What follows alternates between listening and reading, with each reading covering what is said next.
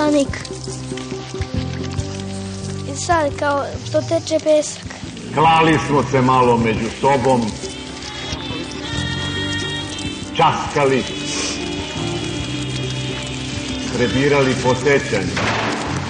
Srbi krenuli za kulturom, za civilizacijom evropskom, za modom evropskom. O, leševi srpski! Nacionalizam kod nas nije isto što nacionalizam u Francuskoj. Peščanik. Jer možete govoriti kao što Francuzi piju za ručak vino, mi smo alkoholičari, mi ne smemo ni kap vina da pijemo. Ajde dalje. Napustimo mračni i sramni Beograd.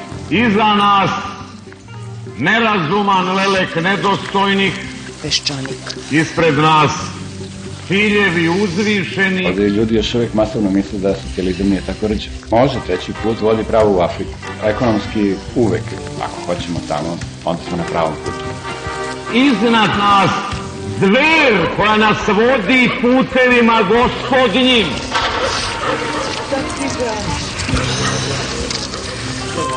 I da ne zatvorim oči. Peščanik. Ja mogu da zamislim Srbiju kao najdinamičniju zemlju na Balkanu i jednu košnicu sa malo trutova i puno radilica. Ako ne uspemo, niko nam neće biti kriv. I dugo smo, dugo još putovali. Dakle, mi smo izgubili 5. oktobar, da tako kažem. Nepredviđen. Na televiziji vidim da se i rezultat drugog svjetskog rata promenio. Ugleda smo u bistroj vodi naša lica. Prema tome, ja očekujem da će Srbija krenuti u nešto novo tek kad pobedi Turke na Kosovo. Iznenada priznu smo u plaću. Peščanik. Dobar dan. Danas će u Skupštini usvojiti rezoluciju o Kosovu. Koštunica će najzad, makar samo za danas prepodne, ispuniti svoj san o vladi nacionalnog spasa. Svi će biti na okupu, izostaće samo oni koji još uvijek nemaju pravo da sednu u skupštinske klupe. Vladike, navijači, novi koalicijni partner vladajućeg saveza pokret Svetozar Miletić, književnici iz Francuske 7, Ivana Žigon, srednjoškolci i Kristijan Glubović. Ovih dana smo se opasno približili snu najljućih patriota, snu o crkveno-narodnim saborima kao srpskoj verziji demokratije. A ako već mora neka demokratija, neka bude starogrčka verzija u kojoj se na agori, odnosno na trgovima, s vremena na vreme skupljaju muškarci i donose odluke o važnim državnim pitanjima, kao što je osuda na smrt narodnog izdajnika. Ovo su oni već mnogo puta proživljeni dani kada nas stavljaju pred lažnu dilemu ili otačbina ili demokratija. Lažna je dilema i ili ste za Kosmet i Bogorodicu Ljevišku ili ste za Šiptare. Lažna je dilema mogli smo da pucamo na demonstrante ispred džamije ili da ih pustimo da je satima opsedaju i pale. Lažna je dilema i mitropolita Amfilohija jesmo li mi narod Boži ili narod zločinaca. Mi smo, mora bi to barem da prizna, i zaslanik Boži i jedno i drugo. Tu sliku možemo menjati samo mi, u tome nam neće pomoći prošlonedeljno divljaštvo albanskih ekstremista. Imamo predsednika vlade, imamo ministra spoljnih poslova, ministra vojske i njihov je posao da učine sve da se prošla sreda ne ponovi. Učenici srednjih škola nisu rezervni sastav vojnih i policijskih jedinica, a posao nove ministarke prosvete i direktora škola nije da decu šalju na ulice da iskazuju svoja patriotska osjećanja. Neko je hiljade albanskih dečaka i mladića nahoškao na Srbe. Stavili su im u ruke motke i molotovljeve koktele i poslali ih u onaj strašni pir. Da li je izvođenje dece na Beogradske ulice naša poruka da i mi decu za rat imamo? 14-godišnji dečaci i devojčice ne smeju se dovoditi u situaciju da se izjašnjavaju Kosovu. Oni će uvek izabrati najužasnije slogane, poput onog ubij, zakolji, da Šiptar ne postoji. I dok razni istoričari, novinari, pesnici i analitičari rade na održavanju razjarenosti, dotle nova vlast koristi situaciju da bez otpora posmenjuje sve koji nisu po volji i pri tome lažu za razloge. Predsednika vlade, izumitelja legalizma i umerenosti, nije bilo sramota da izjavi kako je postavljenje Aleksandra Tijanića zakonski i politički pametno rešenje. Tijanić je ovih dana doživeo svoj 6. oktobar, dobio je šansu koju mu Đinđić onog oktobra nije dao. Nije problem Hannibal lektor srpskog novinarstva koji bi morao biti u kavezu, a ne na čelu državne televizije kako ga je opisao Stojan Cerović. Pitanje je šta je u glavi, bolje reći u srcu našeg premijera. Kome se on i ume čega sveti postavljajući Tijanića na čelo državne radiotelevizije. Milošević je juče opet tražio da ga puste na slobodu. Ne bi me čudilo kako je krenula da ova vlada Haškom sudu pošalje garancije za Miloševića i ujedno od Ujedinih nacija zatraži ono što je u ostalom Koštonica i obić u ekspozeu, da svi naši građani koji budu osuđeni u Hagu kaznu a, treba da izdržavaju u našim zatvorima. Onda bi nekim legalističkim ukazom ili na Crkvenom narodnom saboru mogli da odlučimo da Milošević civilno služi kaznu i to kao Koštuničin savjetnik za nacionalnu bezbednost. Milošević je rešavao pitanje Kosova po principu na ljutu ranu ljuta trava. Radoš Ljušić, poslanik Demokratske stranke Srbije i slavni srpski istoričar, ima još bolju ideju. Izno je u članku politici kojim ovaj list nastavlja svetle tekovine rubrike Odjeci i reagovanja. Plač Srbije, dnevni list politika. Kosmet se ne brani ad hoc od danas do sutra, jednom u deceniji ili jednom u veku. On se brani iz dana u dan, iz časa u čas, on se brani bez prekida, bez posustajanja i nema odbrane kosmeta bez potpunog prekida sa komunističkom prošlošću. Postavlja se pitanje kada je reč o kosmetu i Srbima, da li je turska vekovna uprava bila bolja od kratkotrajne komunističke. Da, bila je bolja, neizmerno bolja. Bolje u svojoj državi pod svojom vladom nego u tuđoj državi i pod tuđom vladom. Ne verujem da se kosmet može odbraniti plačem i sakupljanjem milostinje. Ako mogu, plakaću ja do kraja života. Otačbina se brani na razne načine, možda u toj lepezi i za plačima mesta. Upitajmo se kako jevreji koji imaju zid plača brane Izrael. Radoš Ljušić, profesor istorije na Filozofskom fakultetu. Jevreji ovih dana brane Izrael tako što raketama raznesu starce u invalidskim kolicima, a onda Šaron čestita momcima iz helikoptera i obeća da će i ostale palestinske vođe biti likvidirane. A osim Kosova, sve kod nas teče kao podmazano. Vela, Velja Ilić i Bogoljub Karić su se očas posla dogovorili da otac budućeg predsednika Amerike Janića III. Karića, Bogoljub, državi pokloni 6% akcije Moptela kako bi Srbija mogla da ga proda i popuni budžet.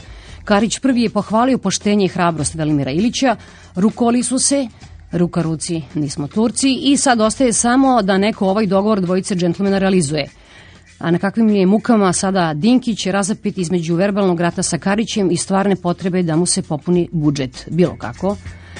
Milošević, o, Milošević je uspelo sa Telekomom, što ne bi i ovima sa Moptelom.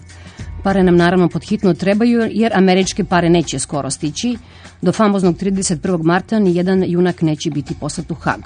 Koštunica je od Miloševića nasledio mnogi ideje i mnogi kadrovi, ali neće da nasledi odgovornost za one koji su osumnjičili za najteže zločine. Svaka vlada preuzima političku odgovornost za dela i nedela svoje prethodne, a svaki narod dela i nedela prošlosti. Kada je Napoleon preuzeo vlast posle revolucije, rekao je sledeće. Preuzeći odgovornost za sve što je Francuska ikada učinila od Svetog Luja do Komiteta javnog spasa. Time je Napoleon naglasio jednu važnu činjenicu političkog života. To znači da je svaka generacija na osnovu toga što se rađa u istorijskom kontinuumu opterećena gresima očeva kao što je i blagoslovena delima predaka. Budući da mi volimo da podvaljujemo, naročito sobstvenoj istoriji, ima jedne zgodne ideje od jutros, ajde da 31. umesto Ratka Mladića pošaljemo u Hag Nenada Živkovića, glavnog urednika lista Pančevac. Taj izdajnik je u noći crne srede pisao po zgradi opštine Pančevo grafite bratimljena sa Albancima. Nenad Živković u noći između protekle sledeće četvrtka nakon što su tokom celog dana sa Kosova stizale potpuno uznemiravajuće vesti o novim etničkim sukobima. Građanka Dunja Šašić i ja smo, nakon što smo završili redovne obaveze na pripremi novog broja lista Pančevac, belim i sivim autolakom na zgradi Skupštine opštine ispisali parole Ne damo naše Albance Vojvođani i živelo srpsko-albansko prijateljstvo. Dok smo to radili, primetio nas je portir u zgradi Skupštine opštine i e, obavestio policiju. Vrlo brzo je na lice mesta stigao jedan od pozornika koji je, moram da kažem, vrlo korektno sa nama razgovarao 15 minuta, legitimisao me je, nakon što se zamolio da više ne pišemo parole tokom te noći, smo se u najnormalnijem miru razišli.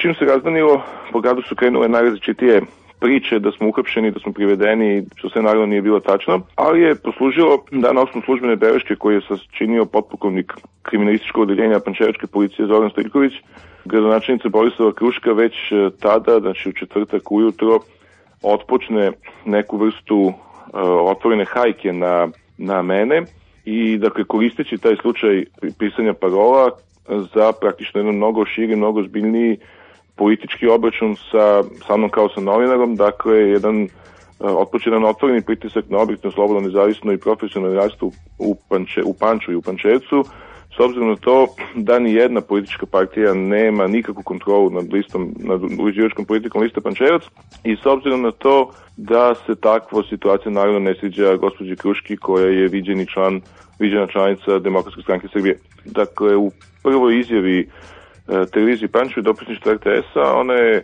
ocenila da ja kao jedan visoki opštinski službenik nemam pravo na tako ponašanje, da mi nije dovoljno što eto mogu samo u novinama da iznosim svoje političke stavove, nego sad sam to počeo da radim i po gradskim zidovima, da je od kad sam pre 9, e, sad pre 10 meseci preuzeo rukovodđenje listom, da je on dobio izvito antisrpsku notu, da ja ne razumem suštinu srpskog bića i da je pisanje takvih poruka u tako zapaljivoj situaciji, dakle poruke koje pozivaju na prijateljstvo, se može protumačiti kao, kao netolerancija, kao okidač koji bi mogao da, da napravi neke dodatne probleme i da upravo okrene nezadovoljstvo zbog događaja na Kosovu prema našim sugrađanima Albancima koji žive u Pančevu. U četvrtak istog dana, dakle, oglasio se opštinski odbor DSS-a, portparol Dejan Bosnić je održao konferenciju štampu na kojoj je ocenio da sam ja nedorastao da obavljam ovu funkciju, dakle da budem urednik.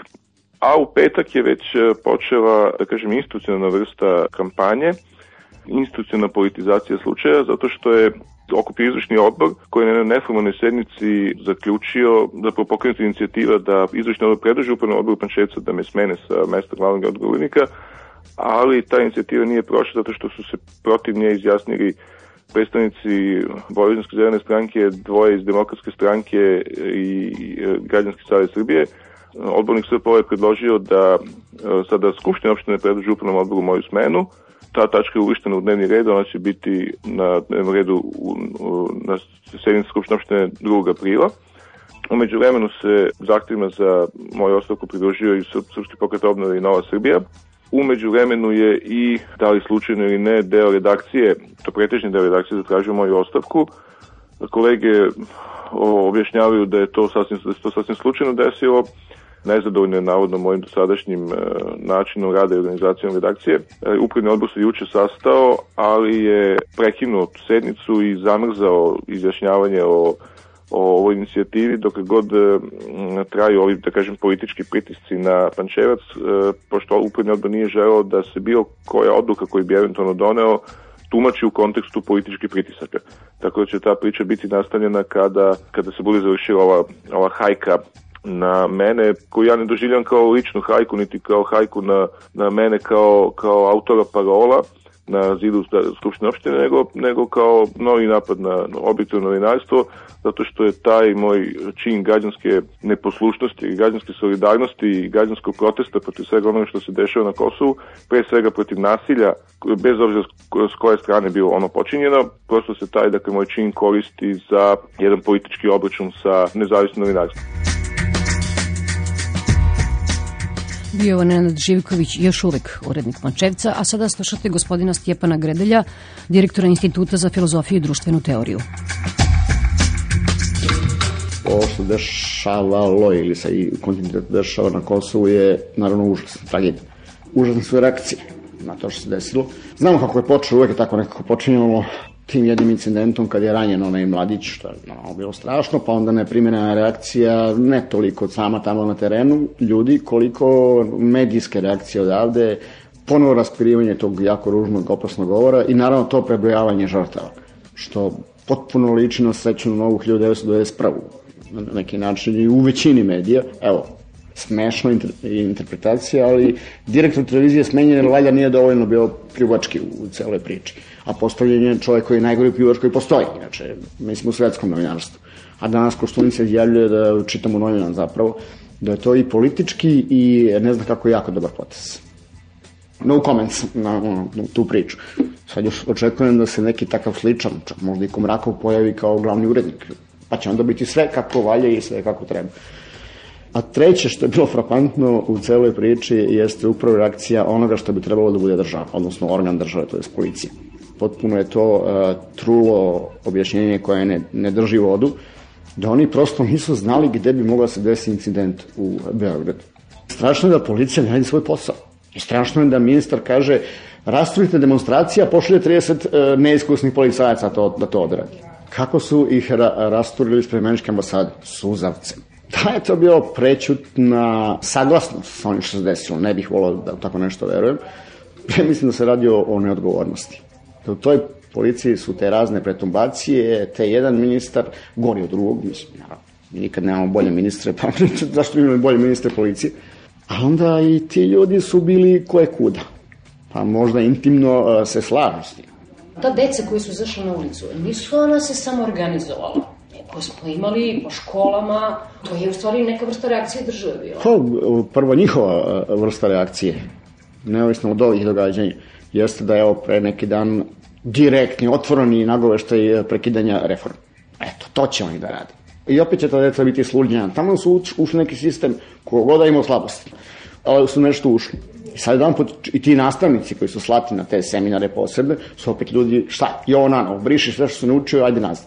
I to je to večito vraćanje istog, ili varijanta što gore to bolje. Mislim, više ne znam kako da ocenim, prosto više nemam te sociološke pameti da, da shvatim ovo ludilo na bilo koji način, gledam kadrovski sastav ministarstva prosvete, neću pominjati ni imena, ali ispod ministara to je vrlo neobično, u najmanju ruku. Nestabilna zemlja, nezrali političari, uh, užasno javno mnjenje, grozni mediji.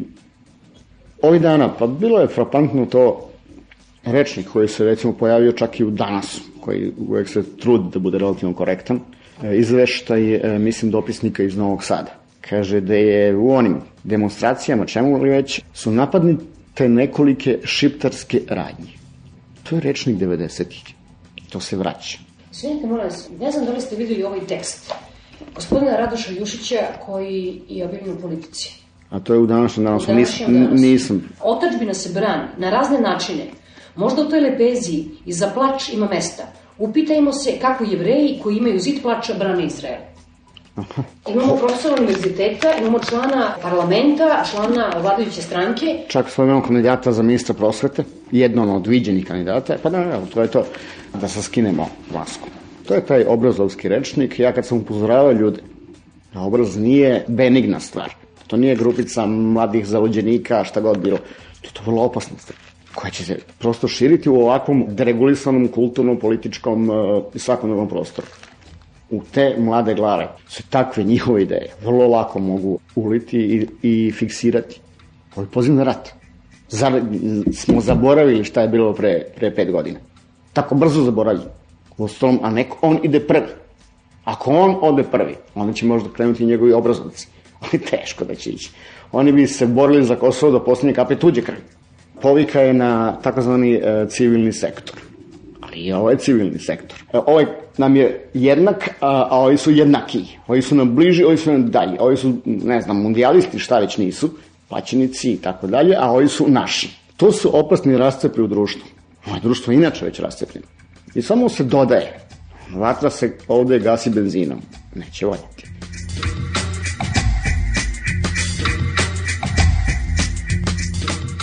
Što nije trebalo učiniti, da je najbolji ministar iz prethodne vlade, ministarka Gordana Matković, koja je zaista za razliku od mnogo pričala i ona je žena mnogo radila i mnogo toga uradila, užasno mnogo uradila. A kao znak zahvalnosti toga što je dobro urađeno, nije ono što ona nije više ministar, nego što je ukinuto ministarstvo koje je bilo najbolje u prošloj vladi. E, to je već ludilo. Spajanje ministarstva, na primjer, za nauku i ekologiju, to je vođe drva ne idu zajedno. Svaka od tih disciplina je posebno za sebe. Zato što se e, ne ide na funkcionalno rešenje, nego se ide na uvaljivanje svojih ljudi u njihove fotelji. Sinekure. Ono što malo, malo mnogo zapravo poziva na, na opreznost, jeste postepeno, tiho, ali sve glasnije autogetoizacija. Počeo od onoga, opet mi možemo s opstivnim sredstvima, samo ne znam koji, sve to da odradimo, ne treba nama pomoć, onda ne treba nam tutorstvo, onda devetor upravno svirali koje je to ostala, mislim, nema nikakve veze. A onda će 31. marta, evo živi bili pa videli, to je blizu. Opet sve biti, eto nismo mogli, jer se ne može desiti ništa drugo, može.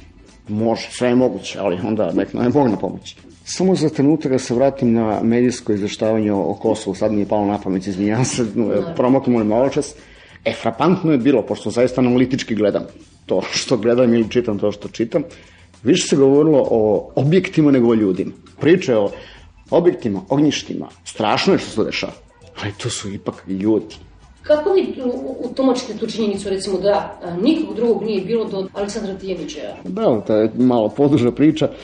Pa prisjetimo se predsjedničkih izbora, ko je bio šef kampanje svoje vremeno sadašnjeg premijera. Sjetimo se da je taj isti Tijanić bio svoje vremeno u štabu Đinđićevom, pa je poludeo na, na Đinđića kad ga ovaj nije postavio za direktora kuće politika. Dakle, sve su to krajnje prizemni motivi. Ali je krajnje cinično reći da je on pravi čovek, čovek koji nema, on je lukav, on je strahovito dobro obavešten. Sad pitanje odakle, setimo se veza i tako dalje, te informacije malo koji obični novinar može do njih da dođe. Ali on čovek e, agresivan, vređa do koske. Njemu je ministar kulture gostovao u emisiji, zajedno su gostovili, zajedjaš izvređa on e, bivšeg ministra kulture ku ništa. I šta kaže Pojedinović? Pa eto, to je Tijanić. Pa znam, ali možda paradoksalno, možda zaista nema bolje ličnosti za tu ulogu. Onda smo mi u velikoj nevolji. ne znam. U stvari, nije da ne znam, sam potpuno zdvojen, potpuno sam zbunjen. Ako su i ostala manje e, poznata nam kadrovska rešenja takva, ako se ladno u jednom legalističkom jel, režimu opljune uopšte zakon po kojem treba se postavi e, glavni urednik e, državnog servisa, ne zaboravimo šta je RTS, pa onda čemu priča o legalizmu? Čemu onih devet verzija zakona o radiodifuziji? Čemu onoga tuča oko saveta Agencije za radiodifuziju sa svim čudima koje su se tu desile, kad se ti ljudi dezavuišu onako, potezom pera, pozivajući se na Miloševićevi zakone o preduzećima. A treba nam je no, no, naš čovek da šta? Da širi vratno našu propagandu, pa zašto nekome treba državna televizija? Jel to od javnog servisa ni J, S nije ostalo?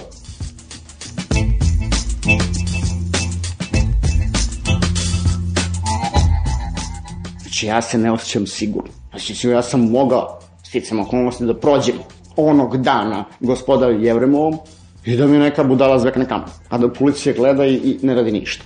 Nepoverenje u institucije. Sve je nekako, nekakav glibavi teren. Močvar. Treba da osjeća čvrsto tlo pod nogama, da ne bi imao osjećanje straha, odbojnosti, a iz toga obično može se rodi koješto. Agresija, na primjer. Bolja mada nije bolja varijanta, odlazak ljudi. Niko do sad iz ove vlade ja nisam čuo. Da je pomenuo, ljudi, a šta ćemo mi sa 200.000 mladih ljudi koji su otišli napoj? Ko će, ko će obrazovati one generacije? Ko će ih obrazovati? Obraz. Da li mislite da ćemo mi dobiti u junu mesecu Tomislava Nikolića za predsednika države? Šta će to da znači? Nisam prestrašen likom, recimo, Tomislava Nikolića, jer prosto prvo što mu je ta funkcija krajnje slabo, slabo mesto u celoj priči, ali je to ohrabrujuće za uh, zrastanje ovog anti-anti Sve anti, nije važno da je anti zapadno, da je anti južno. Guranje prsta namazanog biberom u oko i to je model političke kulture koji se nameće ljudima. Ali Francuska se našla pred sličnim jedan, jednog trenutka izazovom. Setimo se kako su reagovali. E, to se ovde neće desiti. Kao što je nekoliko miliona španaca izašlo na onakav način i taj solidarnost. Ali uglavnom ćutanjem. Ćutanjem i hodom, eto, eto. To smo samo jedan put, nažalost, imali prošle godine, tako, sahrana.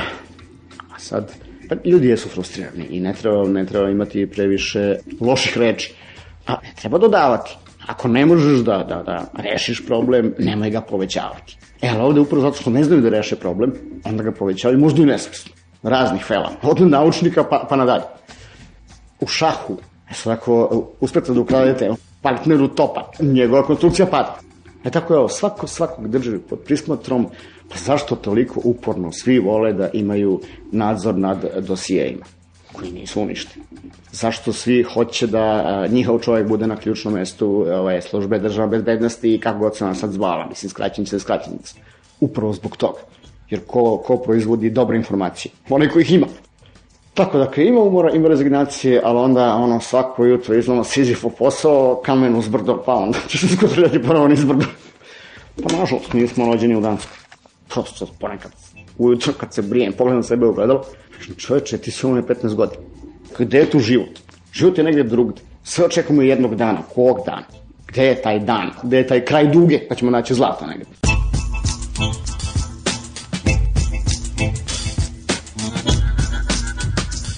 U prošlom Peščaniku govorio je i Petar Luković. On je onda e, Željka Simića, ministra kulture iz vremena Slobodana Miloševića, nazvao lopovom. Gospodin Simić se je pozvao na svoje zakonsko pravo da u ovoj emisiji odgovori Petru Lukoviću. Da redovno i u sredsređenu ne slušam emisiju Peščanik, bio bih tragično uskraćen za lucidne komentare Petra Lukovića, kao i za njegove komplimente upućene na moju adresu prošle nedelje. Potpuno je prirodno da sam ja za njega Željko Mali Simić, budući da je on za mene odavno Petar Veliki Luković.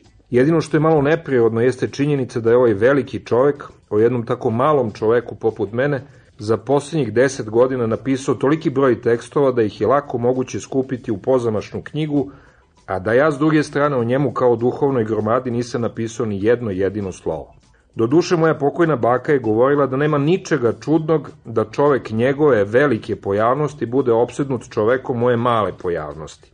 Sirota nije doživela veliki preobražaj Petra Velikog, koji postade savjetnik ozloglašenog demokratskog insajdera u samom središtu jula. Bilo je dirljivo videti Petra Velikog po prvi put protokolarno odevenog, ružičasto skockanog, sve sa macolom o vratu, kako bez imalo jarosti, potpuno defrustiran, sedi pored svog dojučerašnjeg neprijatelja i glavnog zagađivača kulturnog prostora i razmišlja o sudbini medijske čistote Zapadnog Balkana. Ovaj nesuđeni predsednik komisije za odstrel novinara koji su svojim tekstovima tobože inspirisali jedno ubistvo, ponovo se žestoko ljutnuo u poslednjem izdanju Peščanika zato što sam se ja, navodni lopov, uopšte usudio da prozborim koju reč o njegovom novom idolu i pokrovitelju, inače u stvarima kršenja demokratskih normi i opštenja potpuno nevinom biću. Čednom poput novorođenčeta, o čemu najbolje govori njegov ljubki nadimak. A ja sam lopov samo zbog toga što je Petar Veliki selektivno lakoveran. Očas je on poverovao u istinitost žandarmerijskog inspektorskog komentara jednog ilegalnog privatnog video snimka bez tona, puštenog u prvim minutima dnevnika. Taj kratkometražni film bio je nelegalan čak i za policijskog generala koji je bio prisiljen da protivzakonito distribuira taj snimak medijima, objašnjavajući taj čin nebuloznim razlozima pedagoške preventive. Tako smo dobili srpskog Makarenka, kao i srpsku verziju pedagoške poeme. Pošto nema nikakve sudske presude, Petar Veliki je preuzeo na sebe ulogu sudije i oklevetao me samo zato što je, kaže, svojim očima video kako kradem vitamine, minerale, proteine i druge beduine. Ali kao i Petar Veliki, ja sam ovako mali ili izuzetno lakoveran. Ja još uvek verujem da su avionski karte jedne naše narodne poslanice na liniji Istanbul-Beograd, kojima je tako sugestivno mahao port parol jedne nominalno demokratske stranke, verodostojne. Da su dakle realne, jer sud nije dokazao njihovu nadrealnost. Istu vrstu lakovernosti nosio u sebi i moj pokojni deda, koji je svoje vremenu u Americi slušao famoznu radio emisiju čuvenog Orsona Velsa u kojoj on objavio invaziju Marsovaca. Umro je uveren da su Marsovci među nama. Smejali su mu se. Ja se više ne smem, jer znam sasvim pouzdano da je jedan veliki Marsovac sa diplomom mašin inženjera ovde i da u Peščaniku viče u mikrofon da, citiram, Kosovo nije Srbija. Pre njega to je mislio i jedan mašin bravar, ali to nikada nije prevalio preko usana.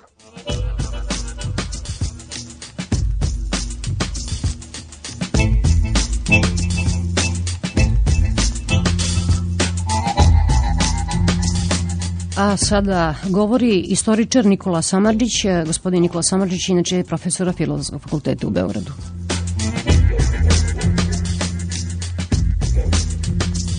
Od početka 80-ih, od povratka kosovskog pitanja u ovdašnjoj jugoslovenskoj srpskoj javnosti, od povratka crkve u javni život do hitova grupe Idola i tako dalje. To je bila jedna istorija koja je tada krenula i koja se nastavlja i danas. Jednu trenutku se pojavio Milošević koji je umeo da upotrebi celu tu situaciju koju on verovatno godinama nije razumevao. Dakle, ja se sećam recimo zabrane izdavanja sabranih dela Slobodana Jovanovića. Moj otac je to priređivao sa Živoradom Stojkovićem kao se svakodnevno maltretirala policija na, na različite načine. Međutim, odjednom se sve to preokrenulo i on je prihvatio ta određena stanovišta koja postoje dugo u srpskoj istoriji, ako se prati kontinuitet radikala kao jedne specifične pojave u srpskom društvu, koja je bila antimoderna i u današnjem nekom smislu populistička. Tu postoji jedan kontinuitet, kontinuitet sklonosti nasilju u našem društvu koje povremeno izbija, kao što postoji ta sklonost nasilju i u albanskom i u hrvatskom društvu, ako hoćete, i to je nešto što je teško preseći, teško se sa tim obračunati, jer su to upletene tradicionalne institucije za koje se vezuju uticanje ličnosti u raznim epohama. Taj drugi jedan kraći kontinuitet ja bih pratio od priprema za Đinđićevu likvidaciju. Tu se stvorio jedan front političkih i javnih radnika i misilaca, novinara, kriminalaca, I ta jedna koalicija je našla Đinđićevu ubistvu jedan vrlo pipljiv interes da se istorija vrati u nazad. Njegov naslednik se koliko toliko snalazio, on je ostao jedna simpatična i čestita ličnost, ali kao što ste videli, ta politika je doživala kolaps, otkrivale su se uglavnom minorne afere koje su se mogle lako rešiti, dogodili su se izbori gde se ponovila ona stara izborna volja s kojim manjinsko napredno društvo ovde kuburi od uvek. Mislim, osnovni problem politički Srbije su birači, nisu političari. A on sam je izbrisan iz vrha sobstvene stranke u čijoj izgradnji učestvovao i njegov doprinos je ogroman, ako ništa drugo, bar je grad Niš kao radnički, kao jedna radnička siromašna sredina pripao jednoj modernoj reformističkoj struji. Ubistvo Zorana Đinđića je zapravo simbol kolapsa ovdašnjeg društva.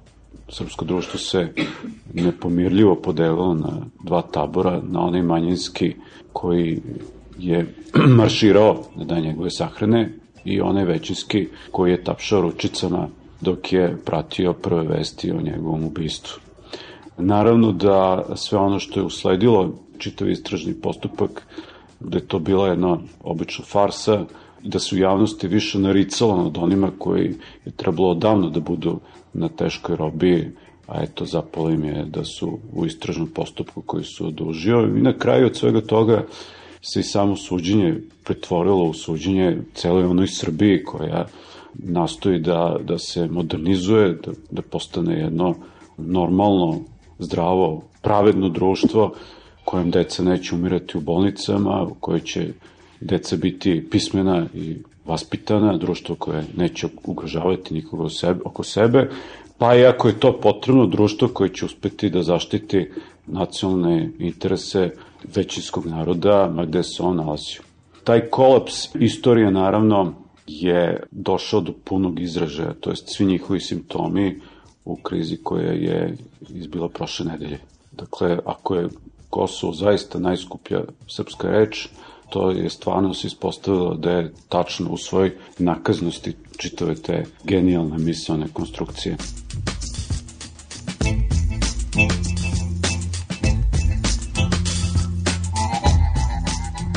Ja sam videla baš u ovoj ulici hiljade srednjoškolaca po 13-14 godina, odnosno koliko mi je 15-16 godina, koji su, koji su profesori pozvali da izađu napolje A onda vidite s druge strane one uh, albanske mladići isto toliko -hmm. godina sa onim batinama, otprilike ispala su prvim borbenim redovima i tamo je ovom. Pa mislim da je taj obrazovni problem, osnovni problem ovog društva kao i zdravstveni. Dakle, to su dve tačke koje bi trebalo da budu poslednja odbrana moderne Srbije. Možemo voziti Moskviće ili Lade, sve, meni potpuno svejedno. Možemo nositi, ne znam, kinesku ili rusku garderobu, to se valjda i nosi, ne znam ja. Ali tamo gde svaka ideologija mora da kolabira, to su zdravstveni i školski sistem. Dakle, u, ovoj, u ovom društvu deca umiru u bolnicama i u ovom društvu deca idu u loše škole. I naravno da će umobolnici koji su stvorili Miloševiću epohu isteruju tu siromašnu i polupismenu decu na ulicu, za njih zaista nema. I tu, tu svaka ideologija prestaje kad su deca bolesni nezaštićena, kada ih e, ošišani idioti jure ukradenim automobilima po trotoarima i kad deca ne uče, kad su polupismena i slušaju narodnu muziku, tu je kraj cele priče i tu mislim da bi svaka diskusija trebala da prestane. Naravno, o tome se najmanje razgovara. Razgovara se o bilo čemu drugom.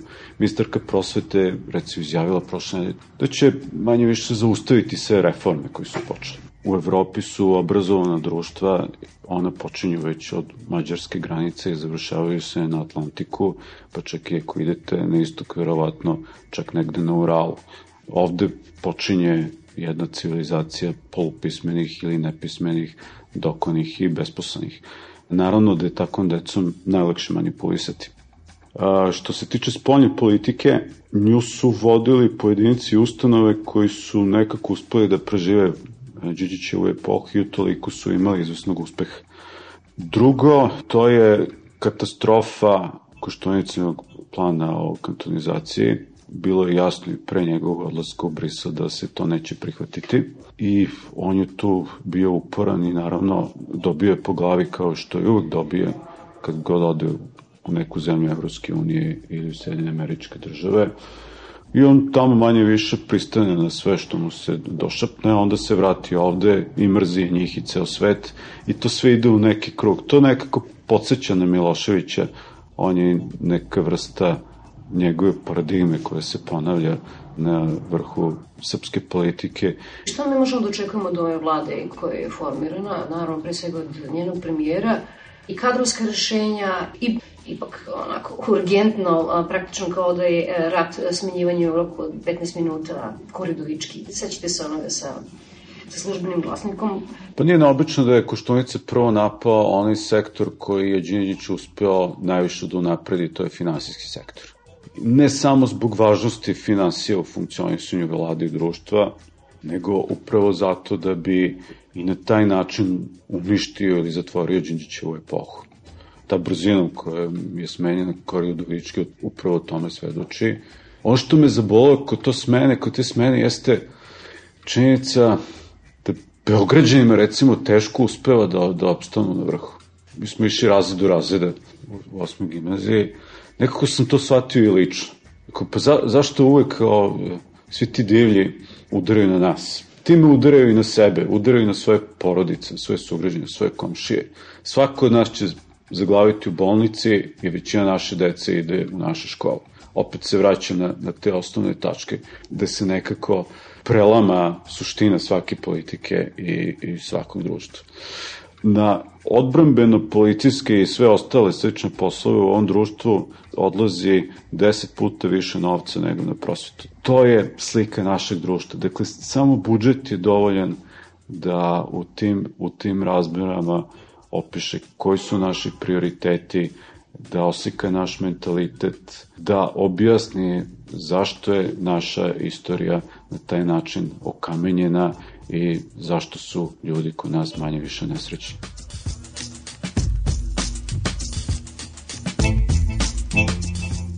Već se pojavilo nekoliko skandala, čak mi je ovaj ministar policija je simpatičan, kresno neki kiosk, kad to niko nije radio.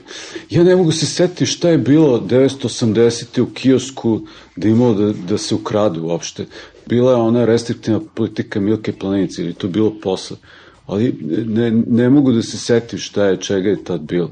Ali on, je, on bar pokazuje neke normalne ljudske osobine, bar time, ajde, ako se vratimo u njegovu prošlost, a nekako se cela javnost uhvatila za to, ali to je možda u svemu i, ajde, najmanji problem. Bar nije dozvolio ovih protekli nedelju dana neki opšti linč na ulici, a na to je pretilo. Kakvi su se sve likovi pojavili, od ministara u istoj vladi koji već pokazuju određene kriminogene tendencije do raznih antropoloških nakaza. Dakle, na sve ono što neko normalno društvo sakrije rade na nekoj plantaži ili šta bilo, nema ih, nema ih u centru grada pred, pred gradom vlade. To se, to se nigde ne događa samo ovde. Nekako javnost bila veoma kritički raspoložena prema prethodnoj, a videli smo da su to vrlo vredni, sposobni i obrazovani ljudi, koji su protekle 3-4 godine doživljavali javni linč iz dana u dan. I ja ne znam da li je postojala jedna svest o tome ko će doći posle njih ko će voditi, ne znam, prosvetni ili zdravstveni sektor i ko će krenuti da ponovo rastura ta ogromna javna preduzeća da bi ne hranio one gladne iz neke njegove kombi partije. A videli smo kako te partije narastaju u ogromne organizme čim se dočepaju sveže krvi. To je najbolji primer sa DSS-om od 5. oktobra koji se popunio najgorim slojem ovog društva. Slojem koji nema nikakvih ideoloških niti bilo koji skrupula. I ta partija je danas na vlasti.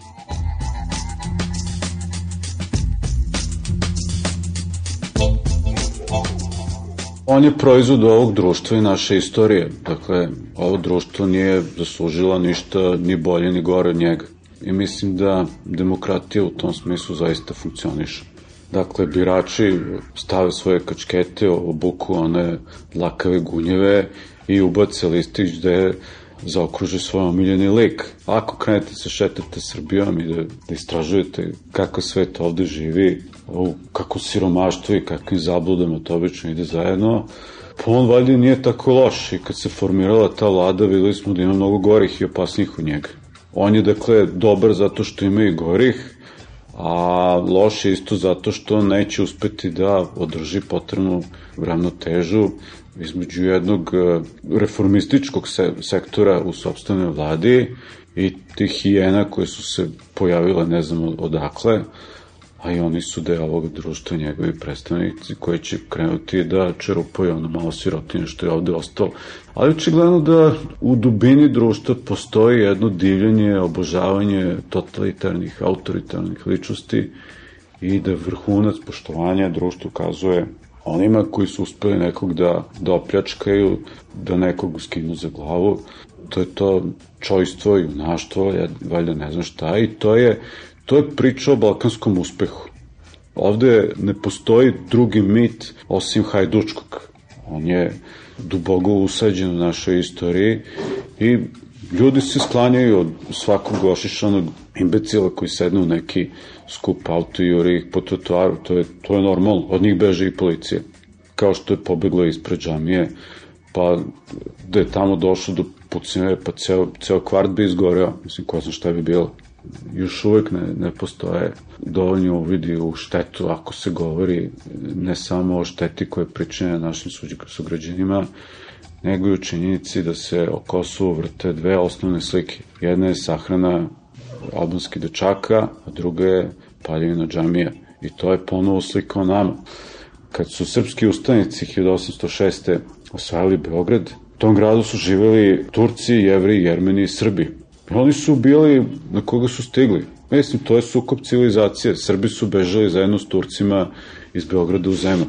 Jevreja, ne znam koliko su pobili, ostale su preobratili u hrišćanstvo i tu je osvajanje tog grada bilo završeno, ali time je otvorena jedna dugotrajna bolna istorija s kojom se suočavalo srpsko društvo 19. veka, koje je osjećalo duboke ožiljke zbog tog događaja. I bilo je potrebno nekoliko decenija i da se obnovi ova ista, ista džamija i da, da se uspostavi ponovo te jedan pluralizam javnog života koja je odlika cele naše civilizacije.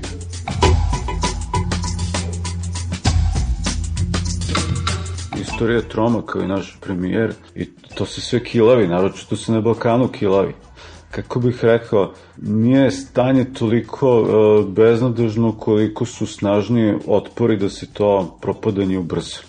Dakle, u našem društvu postoje nekoliko osnovnih problema koji moraju da se reše. Te probleme je napao Zoran Đinđić i zato su ga ubili. Ubili su ga i zato što je bilo očigledno da je on jedina ličnost koja može da koordiniše sve te napade na osnove probleme našeg društva. Dakle, to su problemi sa susedima na Balkanu, problemi sa Evropskom unijom i Sjedinjim američkim državama. I to su problemi koji se vrlo konkretno mogu rešavati. Međutim, e, čitava ta zvanična ideologija koja je uspela da nasledi Miloševićevo vreme upravo negira e, potrebu da se ti problemi rešavaju i upravo je ta ideologija neka vrsta lokomotive naše kolapsa. Srbija štiti 20 ratnih zločinaca. Ljudi koji su naređivali ubistva, koji su bili nezaštićene, vezane ljude, bio je prenos televizijski iz Srebrenice, ja se toga sećam. Ljudi koji su nas matili ovde po ulicama, i toga se sećam, ja sam izgubio nekoliko godina na ulici zbog tih ljudi. Ako ništa drugo, mogu se napišem još, još dve, tri knjige. Neću da govorim o ranjenima, umrlim, izludelim. Druga stvar, Srbija ne želi da reformiše nijedan od svojih e, ključnih sistema od kojih zavisi funkcionisanje zdravog društva. Dakle, želi da reformiše školski univerzitetski sistem. Sam Beogradski univerzitet je jedna masovna organizacija koja je potpuno zastarela i nakazna i on je uspeo da u takvom obliku nasadi Miloševiću epohu. Ne postoji nikakav uh, koncenzus koji bi nametnule same elite o tome na koji način će se ovo društvo u kulturnom smislu profilisati. Dakle, da ovo društvo više ne bude jedna banda divljaka koji se šišaju do glave i koji, koji pevaju neke imbecilne pesme, penju se na stole. I što je još gore, slušaju iste pevače i pevačice koje obožavaju njihove dede i babe. To je jedno nenormalno društvo. To je osnovni simptom našeg divljaštva. A to je svako ono društvo koje u svemu imitira prethodne generacije. To su ono društvo u Polineziji ili dolini Amazona koji su istraživali antropolozi. Takvim društvima se istoričari ne bave. To nije tema istoričara. On može tu pojavu da dočara u kontekstu jedne istorije koja buhvata veći prostor, pa se tako društvo pojavljuje kao neki tumor čitave te jedne veće zajednice. Ali mi smo u izvesnom smislu više predmet istraživanja antropologa nego, nego istoričar. Ako pff, pogledate minulu epohu posljednjih nekoliko decenija, rock and roll se svirao svuda osim u Crnoj Gori i na Kosovu. A danas se ne svira više nigde, ako uopšte i postoji. Dakle, e, merila ta dva zaustavljena društva, primitivna zaostala društva su se prenela a, na čitav prostor bivše Jugoslavije. Možete uključiti, šta ja znam, zapadnu Hercegovinu ako hoćete. Ali merila tog jednog dinarskog pojasa gde se obični mentalitet strogo nasleđuju iz, iz epohe u epohu je takođe jedna vrsta ideološkog plašta koji je obeležio raspad Jugoslavije i to je objašnjenje zbog čega je raspad Jugoslavije bio tako krv. Zato što ne postoje nove generacije koje su sposobne da se u svakom smislu sukobe sa svojim roditeljima i sa svojim predcima. Srbiji je potreban širak, kao što je Francuzima potreban širak. Međutim, u, Francu, u Parizu imate 20 univerziteta, to je Sorbona. Dakle, na 20 mesta, ajde ja sam istoričar, studirati istoriju. Tako jedno bogato i razvijeno društvo je sposobno da stvori i te neke vrste prelaznih bioloških entiteta koji uspevaju da prodaju jednu umerenu ideologiju eh, onima koji su za, za takve ekstremne ideologije vezani. I to su takvi su francuski desničari. Oni su vrlo korisna pojava. Koštunica je trebalo da bude neka vrsta srpskog širaka. A šta da radite, kakvi su nam WC kakav nam je univerzitet, kakav je gradski prevoz, kakve su ulice, takav nam je i širak. On je i bolji od našeg proseka. Žao mi što to moram da kažem, ali Koštunica je iznad proseka ovog društva, iznad proseka naše politike iz poslednjih 50 godina, ako hoćete. Dakle, ako ga uporedite sa svim srpskim premijerima do sad, izuzu Đinđića ili Milana Stojedinovića, on je bolji od, ne znam, i od Milke Planince, i od Bogoljuba Jeftića pre rata i, od, i tako dalje, tako dalje. Dakle, on je jedan korak napred, ali eto nekako nije dovoljen, on je neko polurušenje.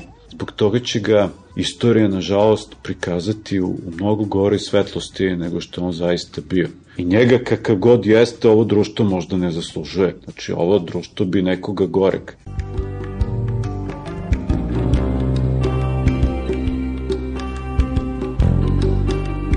U ovo vreme, pre pet godina, već smo kao raspoznavali tomahavke od običnih glupih bombi i procenjivali koliko su daleko pale, a nas dve smo u to vreme, samo jednog mnogo lepšeg prolećnog dana, razgovarale sa Borkom Pavićevićem. Uzbuna je još u toku, vi ste u skloništima, ja? Unutrašnjosti malo dole, piroti. Ujutru kad utihne i onda se čuju ptice i mi imamo jedno neverovatno proleće. To nikad nije bilo lepše i nikad nije bilo bujnije i nikad nije više mirisalo, a mi smo u bombama. Peščanik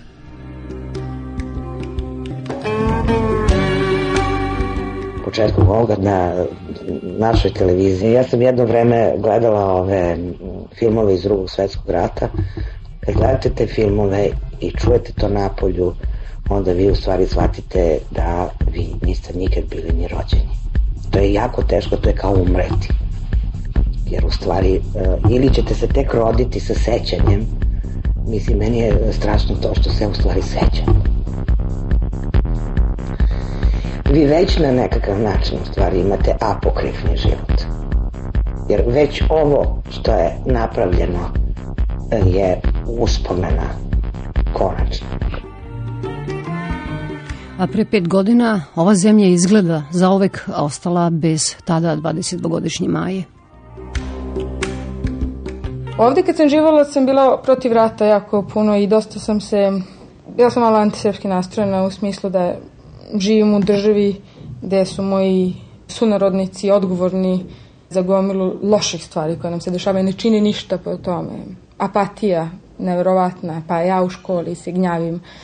Ajde idemo da demonstriramo, ajde da potpisujemo on, za Dubrovnik, pa za Sarajevo. Zato što sam tako odrasla. A moji drugovi i drugarice, bivši, sadašnji u fazonu su, ma pusti, to nas ne interesuje ili, sad ovi već bivši, prijatelji, ma treba njih sve pobiti. I sad sam se ja nadala kad, ja, da kad sam se vratila ovde da ipak su ljudi naučili nešto. Ali mislim da nisu. I to me, ono, ja vidim klince koji urlaju šiptare na lomače, šta je ono bilo na vešale, ono, ja bih izlupala sve, a maš u školu da naučite nešto. Ali te škole, ne znam, sad je veronauka, ono, obavezno, ili tako nešto. Meni to bio znak da ovde stvari možda ipak ne idu na bolje više. Da je bio taj period posle 2000. kad su ljudi osetili da nešto može i moja majka meni pisala prilično pozitivna pisma o tome šta se dešava, ali razočaranje da se sve sad ono nekako skrhalo. Te pale crkve, te pale džanije, te ovo, te ono. Ne znam. Možda sam ja zapala malo tu apatiju u smislu da Provela sam toliko godina, sad pet godina već u Londonu, ja imam drugačije standarde i očekivanja i da dođem ovde i da se opet nerviram i da, da opet pokušam ljudima da objasnim posle deset godina da im ono, nacionalizam ispirava mozak, toliko mi je već ispravno, možda ne znam, ne znam. Sad bi se raznih bunili i taj da se svađaju sa mnom zbog ovoga što govorim, ali ja sam u fazonu da se više ne sviđam. Ako, ako mene neko ne razume, ja ne mogu više da objašnjavam. Napadali su me zato što radim u Amnesty Internationalu. Amnesty International protiv Srba, ovo Amnesty International protiv Srba, ono, ja kažem pa Amnesty International protiv Amerike, isto to i protiv Čečen, Rusa u Čečeni. Jako je neprijetno i ja sad kažem, neću uopšte da razgovaram, jer ja ako ne mogu tebi da objasnim, ako ne mogu da te natram da slušaš i da, da razmisliš onom što ti govorim, To nije dijalog, to su dva monologa gde ja pričam jedno, ti pričaš druga. I ćao, džac. Rekla si da si se jako umorila. Od čega u stvari? Od, od apatije drugih. Ja sam premislila promeni jednog čovjeka, promenit ćeš svet i, i, i bar jedan, jel? I u Engleskoj, ja sam radila tamo kučiteljica i imala sam ljude koji dolaze iz direktno suproćenih strana, te palestinci, te jevreji, te Albanci, Slovenci, Srbi, Hrvati, sve sam ja to imala po odelenjima i na kraju su oni svi postali prijatelji i meni je to ispunjavalo. Ali ovako sad na ulici, ne znam, razmišljam, umorila sam se od objašnjavanja ljudima ono što meni je očigledno i, i ponekad mislim najbolje bilo da odem negde da se sakrijem i da, da se ne istrpe energiju puno ti ljudi koji su nacionalisti i fašisti i rasisti, jer ima i u Engleskoj takvi.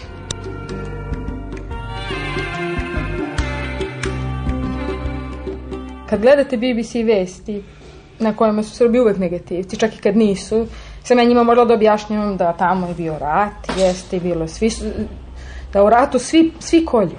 I da nisu samo Srbi sve. Da došle, ja sam premislila da su Srbi stvarno sve. Ali sam posle, dok sam radila na tom dokumentarnom filmu koji je prilično realno pokazao šta se tu desilo, shvatila da ono, ipak su umešane sve strane, ipak o, niti Albanci nisu toliko naivni i da Ove, sad će jedna devojka jako da me mrzi, ali upoznala sam jednu devojku koja je bosanka iz Sarajeva, ona je Sarajka, koja je napustila Sarajevo kada je počelo sranje tamo, da čak i ona bila jedno vreme dok je bio opsada, ona je sa ocem otišla, nje majka ostala tamo, ona je došla u Beograd i ona je se potpuno utripovala da je ona Beograđanka. A priča s bosanskim naglaskom, što je meni super drago, ali ona je engleski isto priča s bosanskim naglaskom, što je još lepše, jer ja volim bosance. Ali cela ta e, negacija identiteta i me toliko iznervirala da ja sam njoj rekla, slušaj, ti si živjela u Beogradu za vreme opsade Sarajeva. Ja sam gledala, oni isto pravi dokumentarne filmove, ja sam gledala intervjue s tvojim prijateljima, ja nisam iz njih izvukla ništa što bi meni reklo da su oni išto učinili da tvoja majka ne nastrada tamo. To je mene toliko iznerviralo, ja sam rekla da ja, da meni moje političke stanovništvo i, i moralno ne dozvoljava da, da ne komentarišem to i da mi možda ne bi trebalo više da se družimo i da je ona Sarajka, ne Beograđanka. Ona je pravila dokumentarni film o svom rodnom gradu Beogradu. Mislim, mene to ono ko, da li si ti normalna?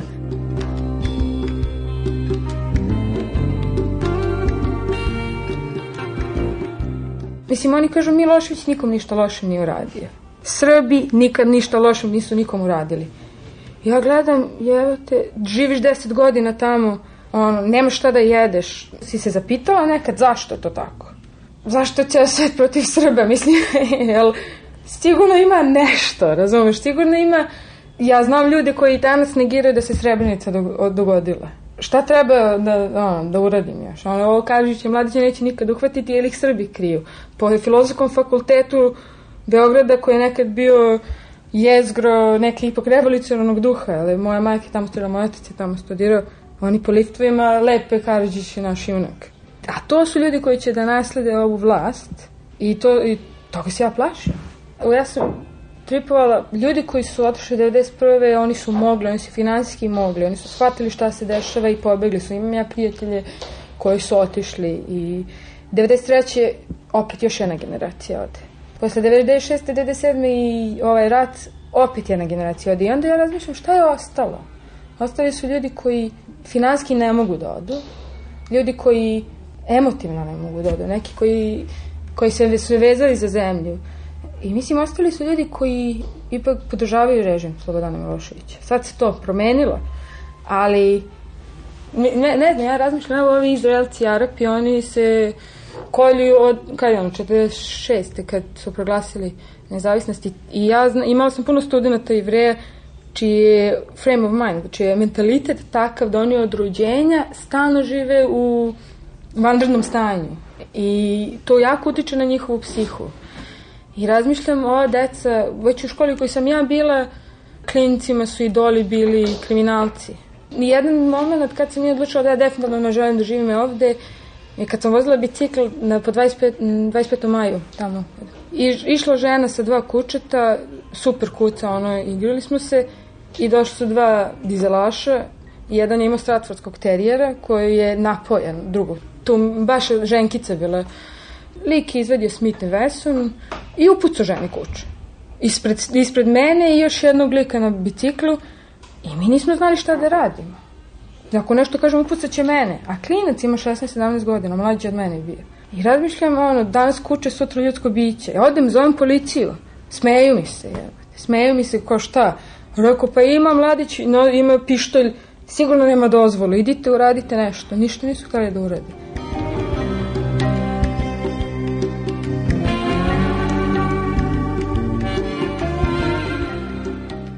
Ovo što sad radim, jel, mi ne prije to što sad radim, radim u marketinškoj nekoj agenciji. To je sve okej, okay. ja se nadam moji šefovi neće slušati, ali jedna od naših trenera, recimo, je radila nešto što je meni moralno nepravdivo, ona je Hašim Utačima bila PR coach. Ona je njega učila da da intervjue i, i sve to. I sad kada je Hašim Tači bio u Engleskoj, ja sam njega upoznala, mi svi znamo da on nije mnogo moralan lik. Drugim rečima, ono, rado bi ga videla u Hagu ako Hag kao institucija bi ipak, ono, znači nešto. I sad moji treneri njega uče kako onda ispadne fin u duša. Ja, ja tako nešto ne bi mogla i to je mene od početka gazilo s mojim sadašnjim poslom, jer je to meni nemoralno, bukvalno. E, prijavila bi se za tu organizaciju koji šalju ljude u, tre, u zemlje trećeg sveta da treniraju učitelje recimo Tanzanija, Ruanda, tako nešto da ljudima trebaju ono osnovne osnovna struka da, da jednostavno uče decu. U čemu si još učestvovala? Zašto bojkotuješ Nestle? Ima cela organizacija u, u Britaniji i u svetu koji bojkotuje Nestle proizvoda. Spomenom bila sam addict Kit Kata i Nescafe.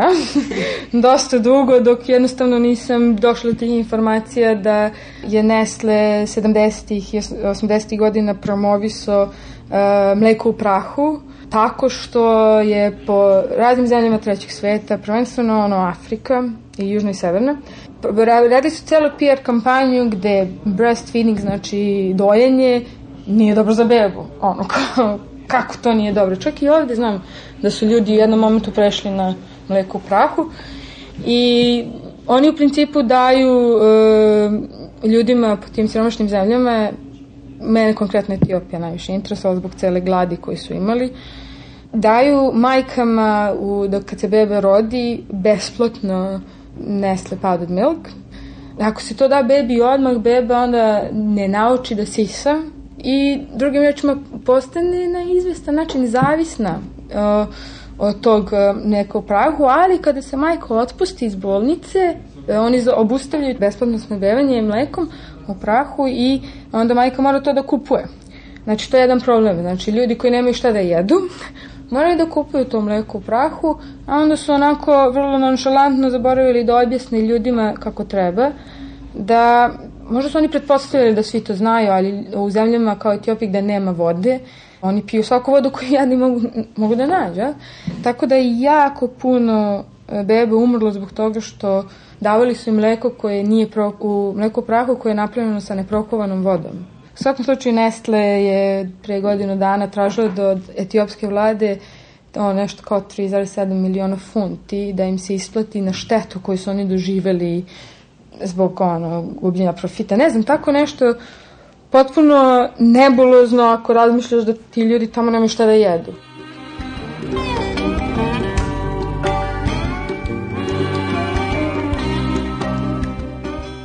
Ja kad njih kažem, stani, stani, stani, zašto mi da idemo da držimo minut tišine ljudima nastradalima 11. septembra kada su 11. septembra ono bilo ono u Čileu pobili tamo Amerikanci su to malo jel? i u Čileu se taj datum markira kao ono dan žalosti zbog mrtvih a mi sad da idemo da stojimo minut ovima u Twin Towersima i bilo je nas ono nekoliko kad smo bili u fazonu ono, eto, desilo se to. I bio je strah šta će da, u nama šta će se desiti posle, ili to je ipak bila prekretnica neka. Srećom nije bilo tako loše, samo su pobili one radne talibance i ovo je rako, to se ja malo sad šalim, ali ono što nervira najviše nas je da jedan američki život vredi ono 100.000 života neke druge nacije. I kad je Twin Towers palo, Meni je to bilo, možda će ti Amerikanci da ukapiraju da ako toliko ljudi imaju nešto protiv njih, da možda oni treba nešto da promene. Ali, ono... Ali bi mogla da živiš tamo? U Americi? Ne bi ja mogla da živim tamo. A, ne bi mogla da živim tamo zato što imam jako do, puno do, prijatelja Amerikanaca koji su i iz Njujorka i iz ovih koji su, misle ko mi. O tom svesni su gde žive, ali državu koji 20% ljudi ima pasoše, a 80% ljudi ne pada im na pamet da idu, da vide šta je svet i da se zainteresuju. Ne verujem da bi mogla, ono.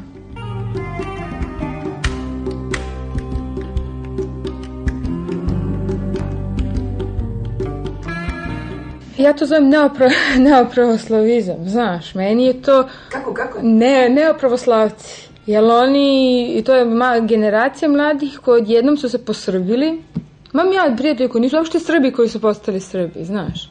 meni se ne sviđa ono neki, ovo što Pavle radi, ovaj naš patrijarh, Pavle, što mi ga mi zovemo tako, je, mislim prvo da je malo, Pavle, jel on tako smiješno priča. Ja sam čula da je ono, ja ono, jesam protiv Izraela kao države, a ja nisam antisemita, a on, čini mi se, jeste, po, po nekim izjavama koje sam čula, Cela ta e, srbomanija, mitomanija koja je počela još sa kostim, koštima Svetog Save, ne znam, ono, 84. To sad još više uzima maha i ono, postaćemo, ono, ne znam, ako ovi mladi nastave ovako, postaćemo ta neopravoslavna država sa nekim čudnim nacionalnim identitetom. Ružno je reći, ali ja ovde ne bi živela. Ja ovde nemam ništa. To je to što me brine. Imam porodicu, imam neke prijatelje, ali ja se ne osjećam da je meni Beograd dom. Ja, znaš, ja, ja u stvari kažem, ja nemam dom. Ja meni u Engleskoj isto nije lepo. Nije mi prijetno. Ovde mi nije prijetno. A misliš da će u Kambođi biti bolje? Ne mislim, mislim da ću u Kambođi da se nerviram zato što znam vrlo dobro kako radi kambođijski sistem, korupcija. Meni je možda muka da moji, moj narod se tako ponaša. Možda ako odem u neku drugu zemlju će mi ću biti više detached, više otklonjen, više objektivna. Da, onda tvoj život može proteći u nekoj vrsti ipak bekstva. Jasno, mislim da da.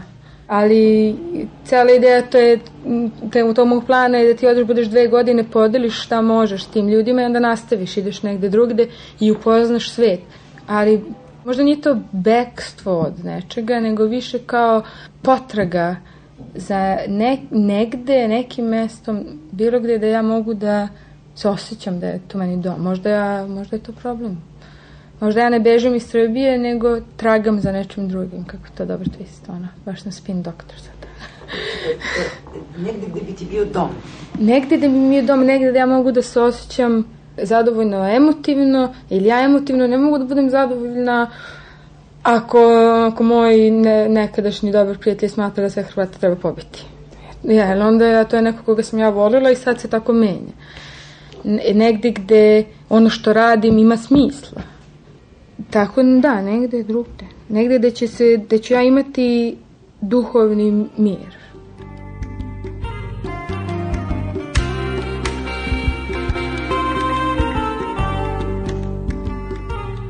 Dragi gledalci i slušaoci radio televizije Srbije, agresija na Jugoslaviju je okončana. Pobedila je politika Jugoslavije i predsednika Slobodana Miloševića.